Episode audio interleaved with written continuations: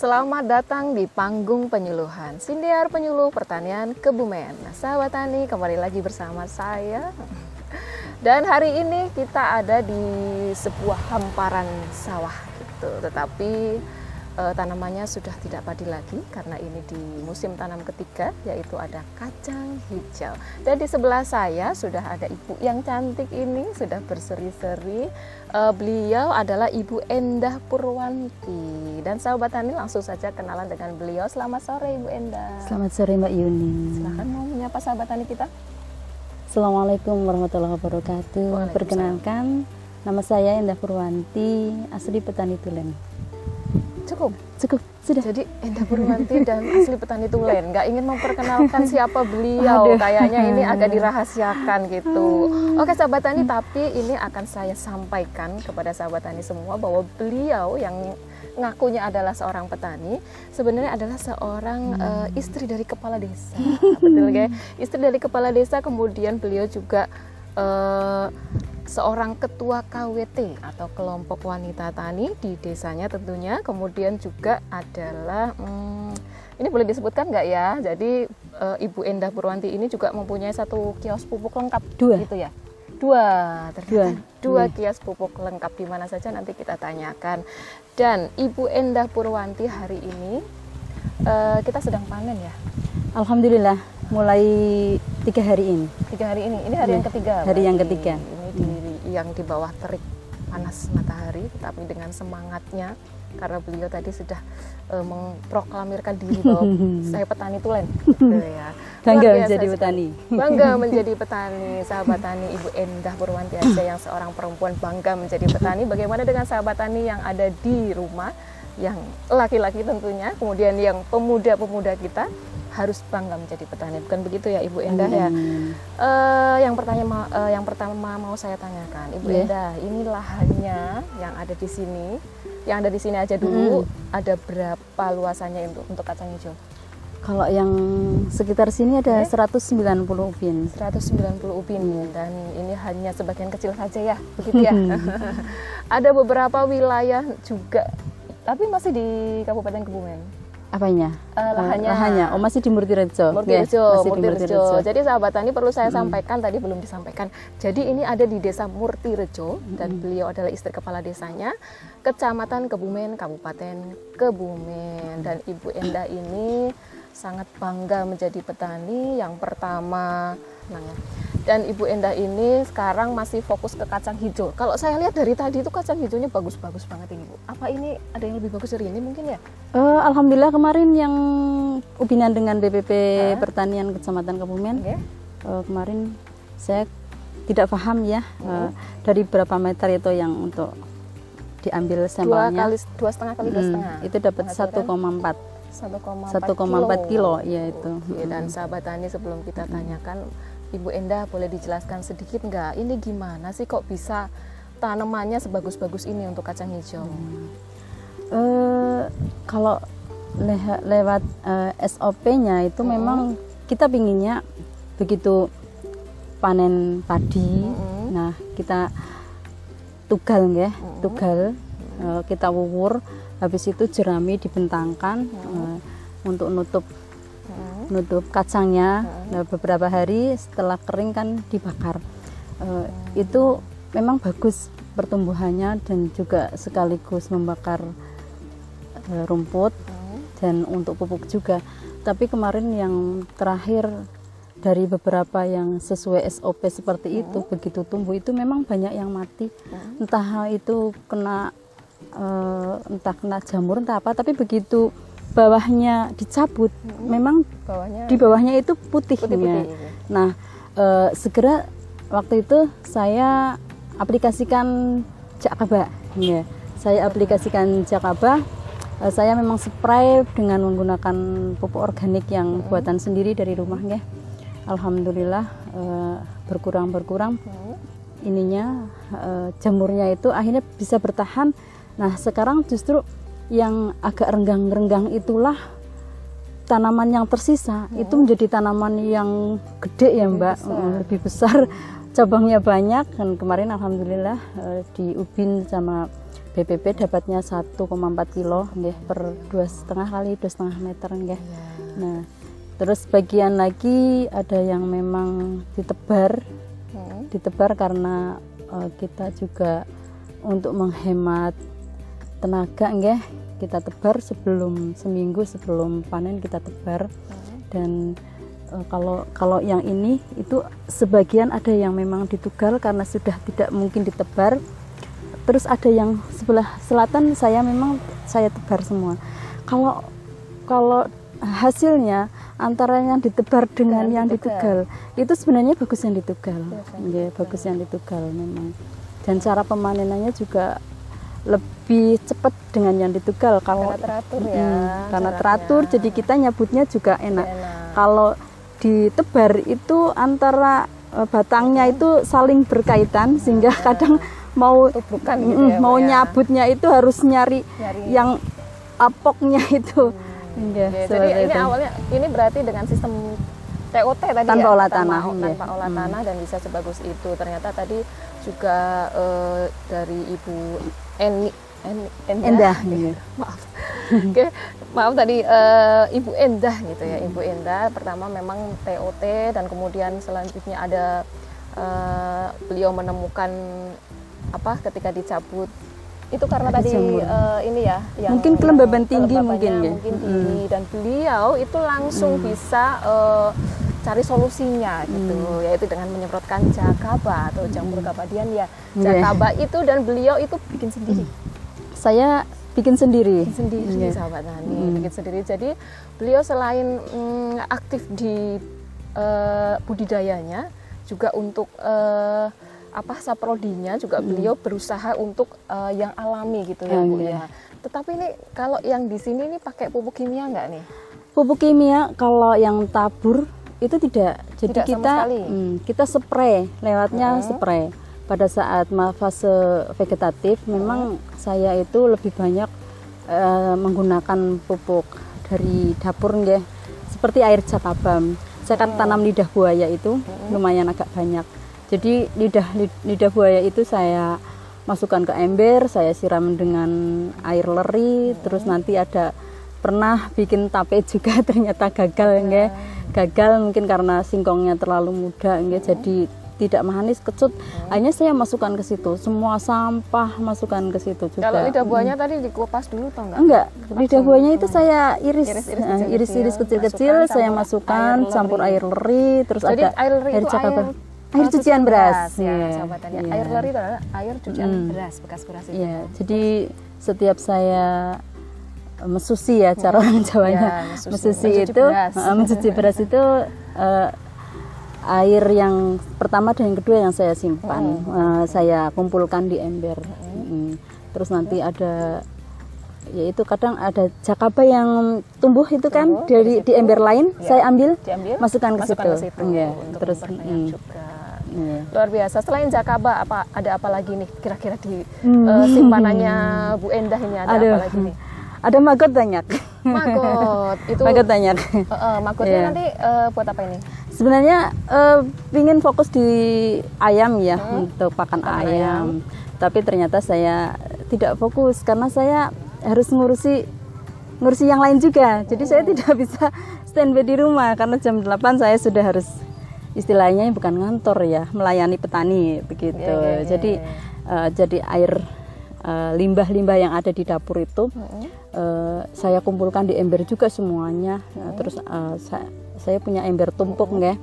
Ember juga tumpuk ada. nggih. Jadi eh, sisa-sisa yang dari makanan, sayuran saya masukkan di ember tumpuk, bawahannya kan ada airnya. Nah, itu kadang airnya itu yang saya campur dengan air jakaba juga. Jadi tidak murni air jakaba saja. Semua punya semua air, semua air limbah saya campur Pokoknya jadi semua saya limbah itu Ah, bermanfaat iya, kalau buat betul. Bu Endah. Betul. itu saya semprotkan untuk kacang hijau yang fase vegetatif. Vegetatif. Ya, cuma yang fase generatif saya. Saya belum bisa, saya belum bisa bikin. Ya, jadi saya menggunakan pupuknya pakai spraynya kimia. Jadi eh, pada saat sekarang banyak sekali ya yang musim tanam ini kalau yang awal-awal kita alhamdulillah bagus nih. Kayaknya kalau tidak dispray pun tidak begitu masalah. Tapi yang akhir-akhir ini itu belum belum kuncup eh, belum keluar bunganya itu sudah pada protol jadi nanti akhirnya kalau orang Jawa bilang itu nguceng itu hamanya memang luar biasa. Kalau itu saya saya nggak bisa itu harus banget dengan menggunakan kimia Mm-mm, Jadi iya. dengan terpaksa itu ya sementara Iya. masih menggunakan kimia. masih menggunakan kimia belum bisa full Sambil organik juga Bu Enda juga mempelajari dulu dan Oke. nanti mungkin uh, nantinya akan mendapatkan solusinya Hmm. gitu. Jadi sahabat tani luar biasa sekali seorang perempuan ya, seorang perempuan petani perempuan yang sangat bangga menjadi seorang petani. Beliau ternyata tidak hanya terjun di sawah tetapi di rumahnya itu ada jakaba, ada uh, magot, ada uh, apalagi tadi ya ember tumpuk juga. Pokoknya semua ini namanya ibu-ibu ini ya bu. Biasanya sampah dari dapur sampah-sampah organik itu ternyata dimanfaatkan oleh beliau. Dan padahal dari jam 8 beliau itu sudah harus ngantor tadi. Sudah harus melayani petani di uh, pupuknya ya. Oke, betul. Jadi uh, beliau mempunyai dua KPL, dua kios. KPL di wilayah Kebumen semua. Eh, tidak di Murtirejo dan di Sidomoro dari kecamatan Kebumen dan kecamatan Bulus pesantren. Ya, karena Oh, memang Kecamatan Bulus Hmm, karena memang eh, yang kios Murtirejo itu kan berbatasan dengan kecamatan Bulus pesantren. Mau tidak mau orang dari Bulus pesantren juga kadang kepingin ke situ. Eh tapi ternyata eh, ini bukan bukan wilayah saya. Ya, jadi akhirnya ya akhirnya ibu eh, dari KP3 kemarin sebelum almarhum Pak Agung Patuh dulu Oke. Eh, menyampaikan ibu bikin satu lagi aja di Bulus pesantren dengan nama lain Namanya dan tempatnya ya, lain. tentunya. Nggih, ngoten. Itu sejarahnya itu seperti itu. tentang KPL ya dan beliau yang ternyata setiap hari nyanding pupuk kimia gitu. yang setiap hari ada berbagai macam pupuk kimia tetapi Iya. eh, beliau tidak terlalu apa ya tidak terlalu tertarik mungkin ya. Hmm. beliau lebih tertarik untuk menggunakan pupuk organik. Dan ngomong-ngomong beliau yang seorang istri kepala desa. Boleh ya nyinggung sebentar? Nyinggung sedikit aja ini tentang eh, Pak kepala desanya. Kalau boleh tahu asmane? Eh, Pak Nur Pak Hamid. Nur Hamid Iya. ya. Pak Nur Hamid ada, eh, kepala desa Murtirejo kecamatan Kebumen tentunya seorang istri kepala desa tentunya kan juga sibuk dengan kegiatan eh, kalau istri kepala desa berarti ketua TPPKK nah, begitu. Apakah seorang ibu Enda juga menerapkan eh, apa ya namanya ya yang setiap hari beliau lakukan itu ke ibu-ibu lainnya? Karena seorang ibu TPPKK ketua itu kan pasti eh, bisa mempengaruhi gitu. Mempengaruhi dalam tanda kutip ya tentunya sahabat tani kalau sekarang kan itu banyak sekali program pemerintah untuk memanfaatkan pekarangan Oh, nggih. Nggih, pemanfaatan pekarangan. Nah, ini bagaimana? Karena kalau saya baca tadi, beliau juga seorang ketua KWT, kelompok wanita tani, yang tentunya juga akan eh, terjun di bidang pemanfaatan pekarangan. Ah, Gimana iya. ini, Ibu? Eh kalau misalkan menyampaikan ke mereka tetap ya Tetap di ya. saat-saat Mm-mm. Kegiatan apa pun ya karena memang satu saya juga karena suka bertani nggih. Oke. tapi ya tidak semuanya bu mbak tidak tidak semuanya tidak semuanya itu tertarik ternyata Karena tapi orang teman-teman teman-teman saya itu malah bapak-bapak nggih bapak-bapak Bapak. iya saya lebih eh, mereka itu kadang kalau ke kios itu belinya cuma sebentar sebenarnya ya tapi ngobrolnya itu lebih banyak. Lebih banyak. betul. Jadi memang dengan bapak-bapak malah saya lebih paham nggih, lebih kenal lebih ini. Kalau dengan ibu-ibu memang setelah menjadi eh, ketua tim penggerak PKK nggih, paling di kegiatan-kegiatan eh, ada pertemuan PKK seperti itu memang ya saya berusaha menyampaikan. Dan memang ada satu dua yang ikut meniru juga seperti itu nggih. Tapi tentunya kan lebih sering ini ya, eh, lebih mengutamakan untuk di bidang pertanian kalau di PKK-nya itu Hmm. ya. Karena jenengan sendiri kan juga ketua KWT nih, Eh, ketua nggih. KWT seperti yang dianjurkan oleh pemerintah ya sampai Hmm. sekarang. Kalau ibu eh, istri kepala desa kan juga sedikit banyak tahu tentang dana desa yang 20% untuk ketahanan Oh, pangan nggih, pastinya ya. Itu Nggih. se- sebenarnya sejauh mana yang apa eh, Hmm. yang telah eh, Bu Endah lakukan itu untuk menuju ke arah situ. Kalau kemarin dari anggaran dana desa yang 20% itu memang eh, diutamakan ke perbaikan saluran irigasi. Irigasi untuk sawah memang. Nah, yang tahun ini ada alokasi memang untuk untuk KWT-nya nggih. Jadi di belakang gedung serbaguna memang itu ada lahan lahan yang Milik desa. lumayan luas milik desa. Sudah kemarin diuruk juga nggih untuk kegiatan ketahanan kepanganan tapi maaf belum berhasil. Hasil. Oke sahabat tani belum itu Belum berhasil. juga Ah, akan terus berhasil. nggih. Nah, eh, mulai ini eh, belum lama sih akhirnya kita itu berinisiatif memanfaatkan kembali lahan-lahan itu nggih. Alhamdulillah kemarin sudah dari luas ada 16 guludan kalau nggak salah yang sisa bekas tanam bawang merah kemarin Eh, sekarang sudah ditanami bayam, ada kangkung, ada tomat, ada cabai dan kemarin kita sudah panen bayamnya alhamdulillah. Nah, itu memang eh, dananya belum turun. Jadi masih masih menggunakan dana pribadi. Kalau karena saya nggak nanya loh Bu. Tapi ya insya Allah, insya Allah ke depan kan mereka nanti juga menganggarkan eh, itu ya untuk karena de- surat edaran bupati setiap desa harus punya kebun pangan. Eh, waktu itu kami sudah menyiapkan kebun kebun untuk desa ya, kebun kebun desa itu. Eh, tanpa belum tahu sih sebenarnya kalau ternyata ada surat edaran itu ya. Alhamdulillah maksudnya kebetulan sekali. ya pas sekali ya. Nah itu memang dananya memang belum turun. Insya Allah ke depan kita mau bikin RAB mm, untuk memanfaatkan lahan yang ada di belakang gitu. Paling tidak untuk ceritanya itu katanya untuk mengurangi stunting seperti itu. Betul program ke depannya kelanjutannya bagaimana? Nanti kita ikut ikut dari pemerintah aja Siap. Itu sekilas tentang beliau sebagai istri kepala desa. Dan kita kembali lagi ke kacang hijau lagi ya Bu ya. Oh, Ke kacang hijau lagi. Mungkin sahabat tani juga tertarik nanti melihat gambar-gambar ini kelihatan dari eh, yang di belakang kami. Memang kacang hijaunya sudah siap panen ya Bu ya siap panen. Tadi sudah dijelaskan sedikit tentang eh, bagaimana rahasianya agar bisa sebagus ini gitu. Kalau menurut saya ini bagus nih ya. Kalau tadi disampaikan eh, setelah dilakukan ubinan gitu, ubinan. Jadi kita ambil sampel dua setengah kali dua setengah meter. Kemudian itu untuk eh, apa namanya memprediksi pro- profitasnya, produksinya itu kalau 1,4 berarti eh, bisa diprediksikan nanti keluarnya dua- sekitar 22, koma sekian kintal gitu ya dalam satu hektarnya ya. Itu juga lumayan tinggi ya Bu ya. Ada rahasia apa lagi ini Ibu selain tadi ka- dengan pupuknya di vegetatif itu lebih banyak dengan organik, kemudian di generatifnya sedikit kimia gitu. Ada rahasia lagi nggak? Eh, jadi saya menggunakan pupuk yang untuk buah ya itu kandungan kalium tinggi. Nah, kalau misalkan fase generatif memang itu dari air air limbah ya air air limbah itu juga kadang eh, satu botol itu 5 liter. Itu kalau paling saya kasihkan hanya untuk tiga tangki sprayer jadi banyak banget dosisnya memang. Berarti eh, ini ya Iya. apa pekat lebih pekat ya? Ah, iya, lebih Jadi pekat. 5 liter untuk tiga tangki.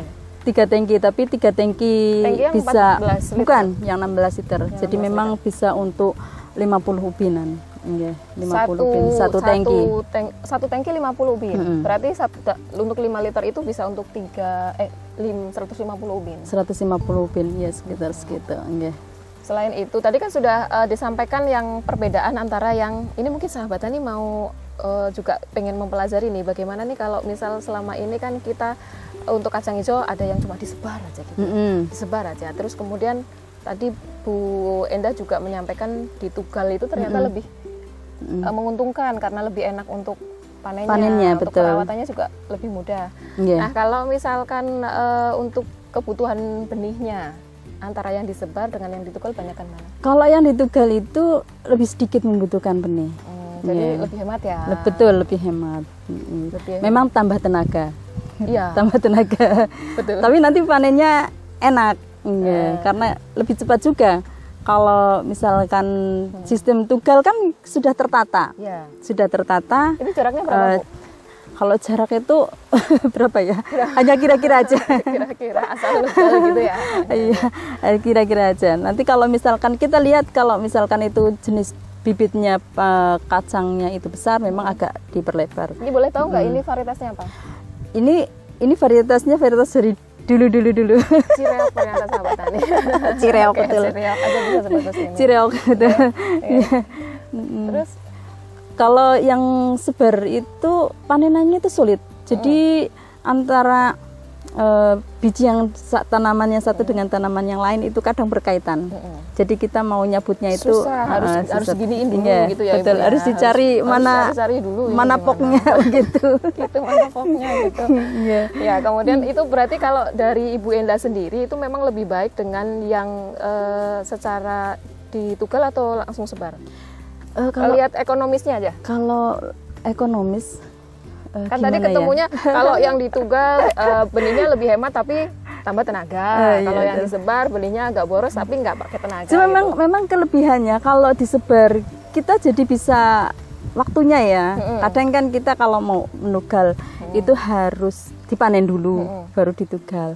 Lah kalau disebar itu kan memang sebelum panen kita sebar begitu. Nah, itu jadi mempersingkat waktu. Nah, ternyata eh, waktu tanam pertama dengan tanam berikutnya. Berbeda berapa hari saja kalau kacang hijau itu kelihatan sekali kelihatan. sekali. Jadi ini ada yang tanam se- awal Agustus. Awal Agustus yang sekarang lagi panen itu hamanya tidak begitu banyak ya. Tapi kalau sudah pertengahan Agustus ke sana itu harus ekstra. Kita harus ekstra spray hamanya itu dan uh, spray insektisida karena belum tahu insektisida yang alami Yang kan ya ya gitu, paling ya, ya. menggunakan yang kimia dan itu juga tidak sembarangan eh, apa aplikasinya untuk yang kimia nggak karena kadang kita lihat hamanya di situ banyak kutunya eh semprotnya untuk ulat ya nggak jadi seperti ya, itu pas ya. Dan Iya. tadi kalau misalkan eh, hamanya, saya boleh ya tanya, eh, Iya. boleh sebut merek nggak sih nggak ya kayaknya. kalau hama kutu, kutu ya biasanya ya kan kayak kutu beras itu kayaknya ya Ah, kalau iya. kacang hijau gitu ya. Iya. Ka- hama kutu itu biasanya mengatis, mengatasinya pakai apa? nih? Hmm. Kalau kalau kita melakukan pengamatan itu eh, jangan bosan-bosan eh, ke sawah ya. Hmm, hmm. Kita dikiranya oh, misalnya "Sel, kok sering banget ke sawah, setiap hari ke sawah, kenapa ya? Karena Padahal kita, kita mengamati. Nah, Kita kita mengamati. loh. Iya. Ada apa? dia. Jadi memang kalau begitu ada kutu biasanya yang nempel di ujung kacang itu membuat kerontokan ya itu Rontok bawahnya? penghisap- mm-mm. Jadi nanti bunganya itu nggak jadi mekar. Oh masih bunga itu udah rontok. Jadi belum jadi bunga itu sudah sudah hilang. Jadi jadi dihisap dihisap. Namanya layu sebelum berkembang gitu nggak sih bu? mungkin mungkin mungkin. Oke, Iya, ya. jadi belum belum keluar bunganya itu sudah nggak ada. Iya, jadi Nanti nggak bakalan jadi buah ya. mm, itu se- eh, pakai kalau saya nyebut Insek merek ya? nggak ini ya? Nggak boleh ya nggak boleh ya udah. Ya kita. eh, nanti nanti ini aja, nanti tanya-tanya aja, tanya-tanya aja nanti ke ke Atau dinas. mungkin ada yang eh, komen-komen nanti di Oh bawah. iya betul. Mm. Tuh, kemudian ada hama ulat lagi ya. Tadi soalnya saya di sini tuh ada ulatnya loh. Tadi tiba-tiba ada ulat jalan gitu di kaki saya. Kalau ulat juga banyak ya, Bu? Eh, kalau ulat tidak tidak begitu sih yang sekarang mm, tidak kalau dulu kadang besar-besar Eh, tahu-tahu orang Di kan tidak ya, semua or- ya. perempuan mau meti kacang itu karena nanti Karena sampai ulatnya. ke sawah dan jerit-jerit kalau saya enggak loh, Bu. Ini kalau bolong-bolong seperti ini kan juga mungkin ulat ya. Hmm, mungkin iya. ulat ya. Ulatnya besar-besar. Kalau tadi yang ada di kaki saya itu memang kecil hijau warnanya. Dan itu bisa di eh, di mix ya antara untuk ka- kutu dan untuk ulat cuma kita memang ada tabel eh, apa obat yang bisa di mix dan tidak. Jadi kadang kan eh, kalau kalau orang beli ke saya bu ini bisa dicampur tidak sebentar pak. Eh, sudah dibeli obat ini beli obat- pak jenengan jangan beli obat itu. Eh, terlalu mahal dan itu hanya satu jenis. Jadi eh, tidak usah mending jenengan yang lain aja. Ngambil yang lain misalkan untuk pupuknya juga. Jadi kadang kan petani kepingin eh, beli mahal-mahal ini dibeli Oh, dibeli yang penting dibeli mahal. ya Dikira kalau Enggak. mahal itu berarti eh, ini ya apa namanya mempan gitu. jos sih ya luar biasa sekali sahabat tani ternyata Ibu Endah ini ternyata juga bertindak sebagai apoteker kayaknya. Dia- jadi setiap ada orang yang membeli obat di KPL-nya itu tidak hanya langsung beli ini kasih beli ini kasih ya. Tidak, Kadang-kadang kan iya. ada yang Mm. seperti itu Mm. ya. Asal kita jualan dengan asal saja kita barang kita laku oke gitu. Kita dapat uang gitu. Ternyata beliau tidak. Tidak, kasihan nanti petaninya. mengedukasi petani juga dan eh, beliau juga mengantongi tabel apa ini yang harus boleh dicampur Mm-mm. yang nggak boleh dicampur. Itu Ah, sangat iya. penting sekali loh ibu. Ya sahabat tani. Jadi sahabat tani kalau misalkan eh, tanaman sahabat tani semua terkena terserang OPT itu jangan langsung panik. Harus dengan yang ini yang mahal yang itu. Ternyata kita perlu tanyakan dulu eh, bisa ke PPL setempat atau ke KPL-nya ke eh, penjual obatnya ternyata juga sudah mahir lebih ahli lagi dari POPT-nya mungkin ya jadi Bu Endah ini luar biasa sekali saya sangat salut ini ternyata kepala desa seorang ibu kepala kayaknya besok eh, setelah? Bapak jadi kepala desa habis itu ibu yang nyala Tidaklah Loh, mbak. Kalau misalkan ini loh Saya itu lebih enjoy sebagai petani. Tetap Iya, bangga mm. menjadi petani Mm-mm. petaninya itu utama tapi sambilannya tuh banyak sekali ternyata dan ini eh, umurnya berapa sih umur panennya Eh, kacang hijau sebenarnya 60 hari, 60 65 itu hari sudah sudah siap panen sudah ya? siap panen. Mm-mm, sudah Dari hitam semuanya. mulai ini Dari mulai tanam. tanam tanam tanamnya itu langsung sih ya gitu Oke, 65 hari. Ini kan di MT3 ya, Ibu ya. Oke. Di MT3 seperti biasa kalau di lahan yang jenengan kan berarti di MT1 2 tuh padi. Betul. MT3 kacang, Kacang hijau, iya. Tuh, Lihat ini sikon juga nanti kalau misalkan hujan kita mantau BMKG juga nggak. Jadi nanti eh, setiap ada pertemuan kalau muslimatan kan nyambut gitu ya. Nah, biasanya yang disampaikan juga karena eh, mereka kan ibu-ibu petani juga. Iya. Hmm, Ini kemarau kering, monggo sami nandur. Ini kemarau basah, eh, nanti disebar aja. Kalau kemarau basah itu kan banyak air, begitu pakai tugal, itu kan jadi kayak cangkir ya. Airnya itu genang, Genang, akhirnya malah banyak yang busuk seperti itu. Tapi ya tidak semua perkiraan itu pas ya. Kadang juga meleset seperti itu. Luar biasa sekali ternyata pengaruhnya seorang Ibu Eda Purwanti terhadap masyarakatnya gitu. Makanya saya tadi sarankan untuk nyalon kepala desa. Aduh, Tapi kasihan Bapak loh. Bapak aja, Bapak aja. Oke. Ini juga juga tidak mencalonkan sih ya, hanya Hanya- amanah dari masyarakat saja. Alhamdulillah berarti memang benar-benar pilihan masyarakat ini. Hmm. Iya, benar-benar Alhamdulillah. pilihan masyarakat. Oke. Eh, selanjutnya saya mau tanya apa lagi ya? Saya bingung. Ini jadi untuk kita kembali ke kacang hijau lagi deh. Kalau sekarang panennya yang tadi eh, kalau dihitung memang sudah lumayan, guys, sudah Mm-mm. eh, bagus gitu, bisa dibilang panennya bagus. Untuk harganya bagus nggak nih? Eh, Kalau yang terakhir kemarin sih dicek 13.000 per kilo. Per kilo. Mm-mm. Kalau yang biasanya, Kalau yang biasanya kalau yang lalu-lalu itu apa memang harganya stabil ya kalau kacang hijau? dulu pernah sampai 15.000, Oh, gitu. 15.000 per kilo. Pernah 10.000, tapi alhamdulillah akhir tahun-tahun ini memang agak lumayan, Hmm. lumayan juga sih harga kacang hijaunya. Termasuk harga gabah ya bu? Aduh, harga gabahnya mahal. Kemarin jual berapa ton bu? saya dibisiki dong bu, biar saya bisa hitung hasilnya. Gitu. Ya harga gabahnya ya sahabat tani sekarang juga sudah mulai bagus. Pemerintah kita sudah mulai mendukung ya tentang eh, pasar gitu ya untuk petani kita di tingkat petani juga sudah eh, kalau dianalisis kayaknya sudah mulai untung gitu ya. Pernah ngitung itu nggak bu ini? Oh, ngitung-ngitung juga sih. Cuma memang kalau saya kan lahannya bukan lahan milik sendiri ya. Jadi hitung sewa. Eh, ya dihitung sewa juga. Walaupun nggak sewa, kan Ya. lahan keluarga Eh. kayaknya. ini istilahnya maro apa ya? Oh, maro. Dari, Oke, eh, oke, oke. Terus ini juga tenaganya juga Gitu. dulu Pak Kades masih bisa sebelum jadi Kades Sudah masih sibuk. masih bisa terjun ke sawahnya. Nah, se- masih dibantu Pak Kades. Sekarang sekarang eh, beliau sudah fokus dengan kegiatan desanya. di Jadi desa. sekarang dibebankan apa diamanahkan yo. Kuasai oleh sang istri. gitu. ya, akhirnya saya dengan tenaga kerja ke yang ngurus sawah. Jadi memang yang jadi manajernya gitu ya kalau nggak salah. jadi manajernya dan terbukti setelah dimanajeri oleh beliau ternyata berhasil ini. Ya, itu juga karena belajar dengan Pak Kades. kalau Saling kalau tidak berguru dengan beliau ya belum bisa seperti sekarang ini. Iya. Ini kalau tadi dihitung-hitung nih, Mm-mm. kalau kacang hijau sama padi kira-kira eh, untungnya banyak kan mana? Kalau kacang hijau kan kita ti- tidak olah tanah ya. Ya. Jadi eh, kalau misalkan tanam langsung bisa panen mungkin pada milih kacang hijau ya. Ya, ya. Tapi kalau rata-rata di daerah di desa ini memang tanam kacang hijau semua ya bu ya? tidak semuanya. Atau dulu ada yang dulu sawah ini beberapa tahun dari dulu belum pernah tanam kacang oh, hijau. belum pernah?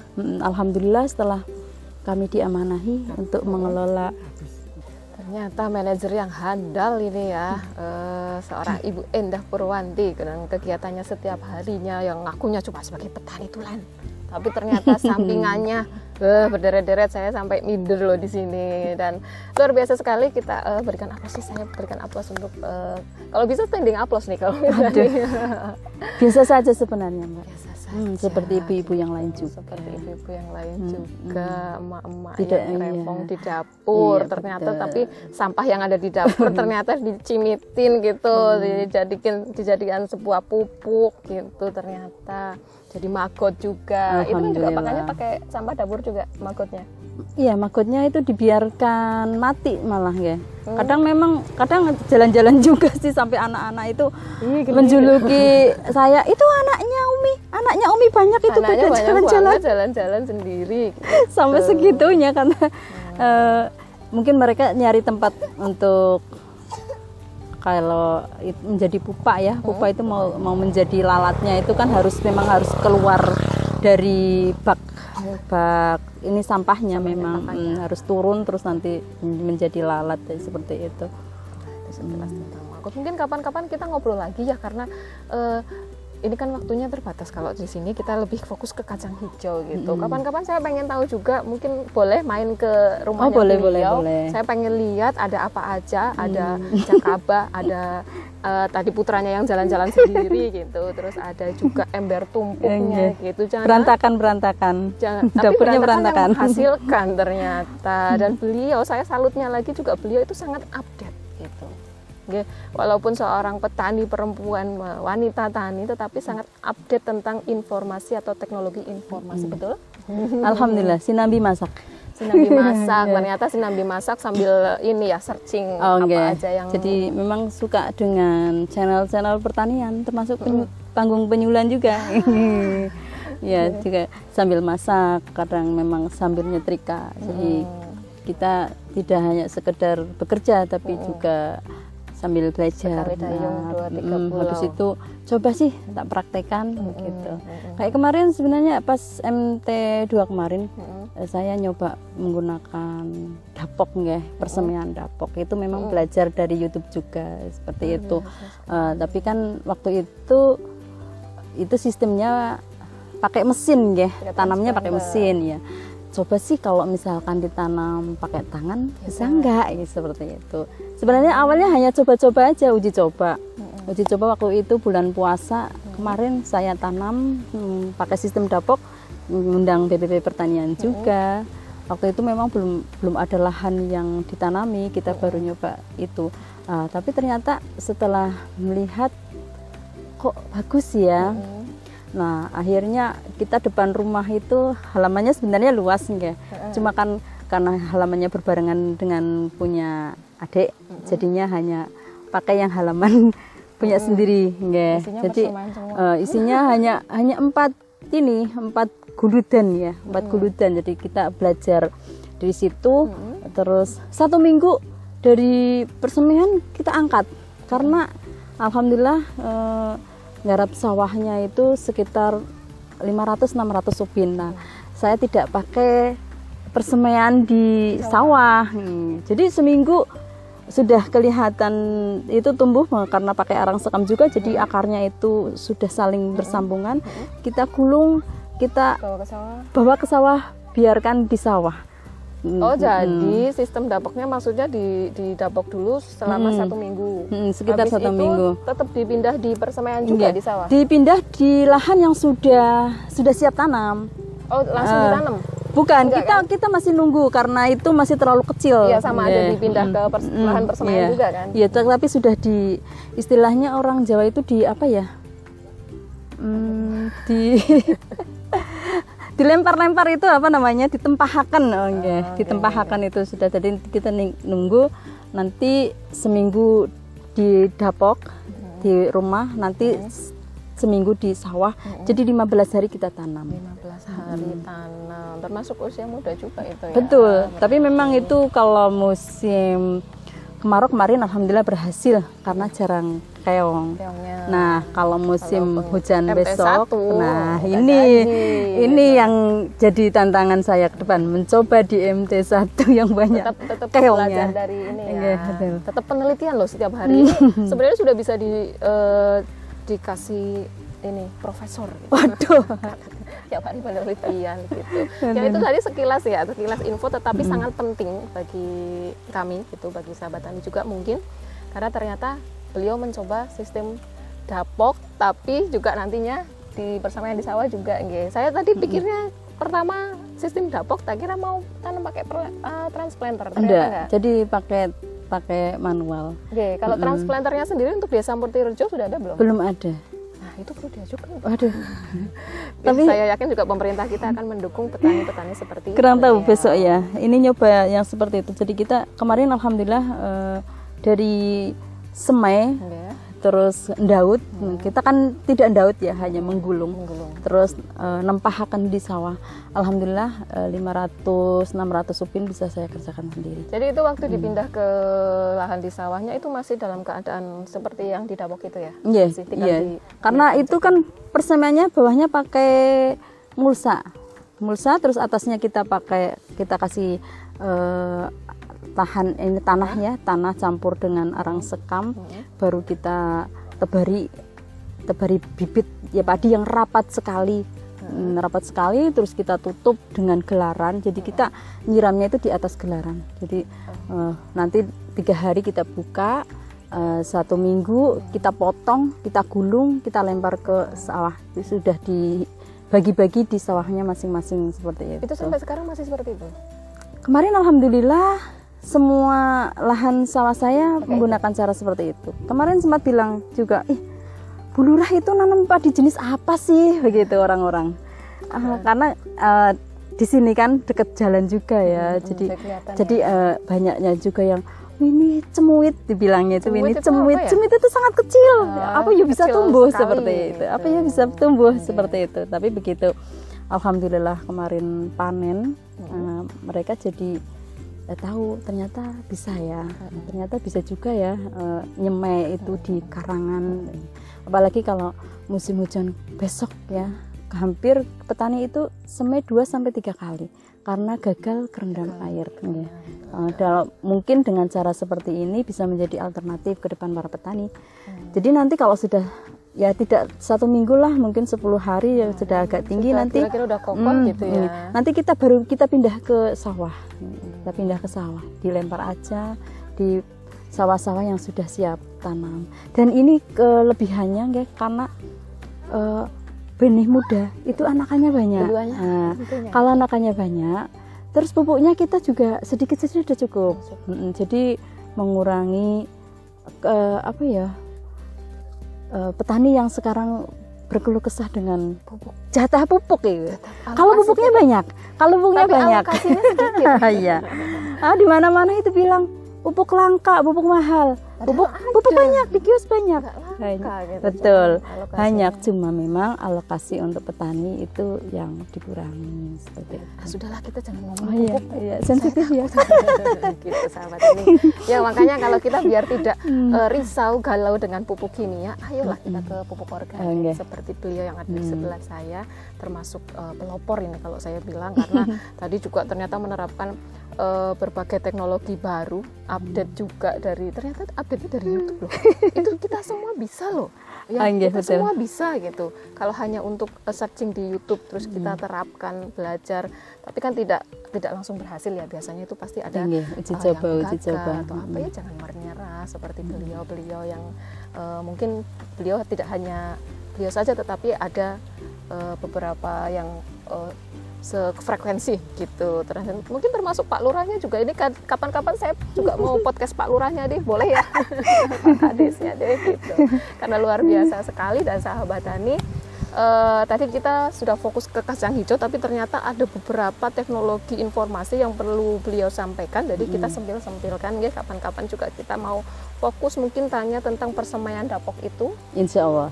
Tapi kalau sekarang karena sudah lumayan panas ini saya di tengah sawah gitu. Sudah tambah hitam ini ya. Ya, ya betul sekali karena tapi tapi nggak apa-apa saya setiap harinya juga di sawah ibu saya juga petani gitu. Dan terima kasih untuk sahabat tani yang sudah menyimak dari awal sampai tadi ini kayaknya juga cukup lama kita ngobrol dengan beliau. Uh, mungkin ada satu pesan atau motivasi atau kata-kata mutiara atau apa monggo bisa disampaikan ke sahabat tani kita. Hmm, Alhamdulillah ya uh, untuk para petani Indonesia tetap semangat untuk terus bertani karena panjenengan semua adalah pahlawan pangan. Tanpa panjenengan kita semuanya tidak bisa makan ya. Terus petani itu uh, satu profesi yang banyak pahalanya. Kita tanam siapa pun yang makan kita mendapatkan pahala meskipun itu hama-hama yang makan. Kita sudah memproduksi oksigen. Jadi tetap semangat uh, saya jadi petani tidak hina, uh, tidak merasa diremehkan juga, tapi saya bangga menjadi petani. Bangga, terima kasih. Tetap semangat untuk menjadi petani Indonesia. Tetap semangat untuk menjadi petani Indonesia pelan pesan dari beliau. Dan sahabat tani, petani Indonesia berjaya, sejahtera, dan bahagia. Penyuluh pertanian Kebumen aktif, kreatif, inovatif. Saya Yuni Mersi, terima kasih dan sampai jumpa. Terima kasih Bu Kades. Sama-sama Mbak Yuni.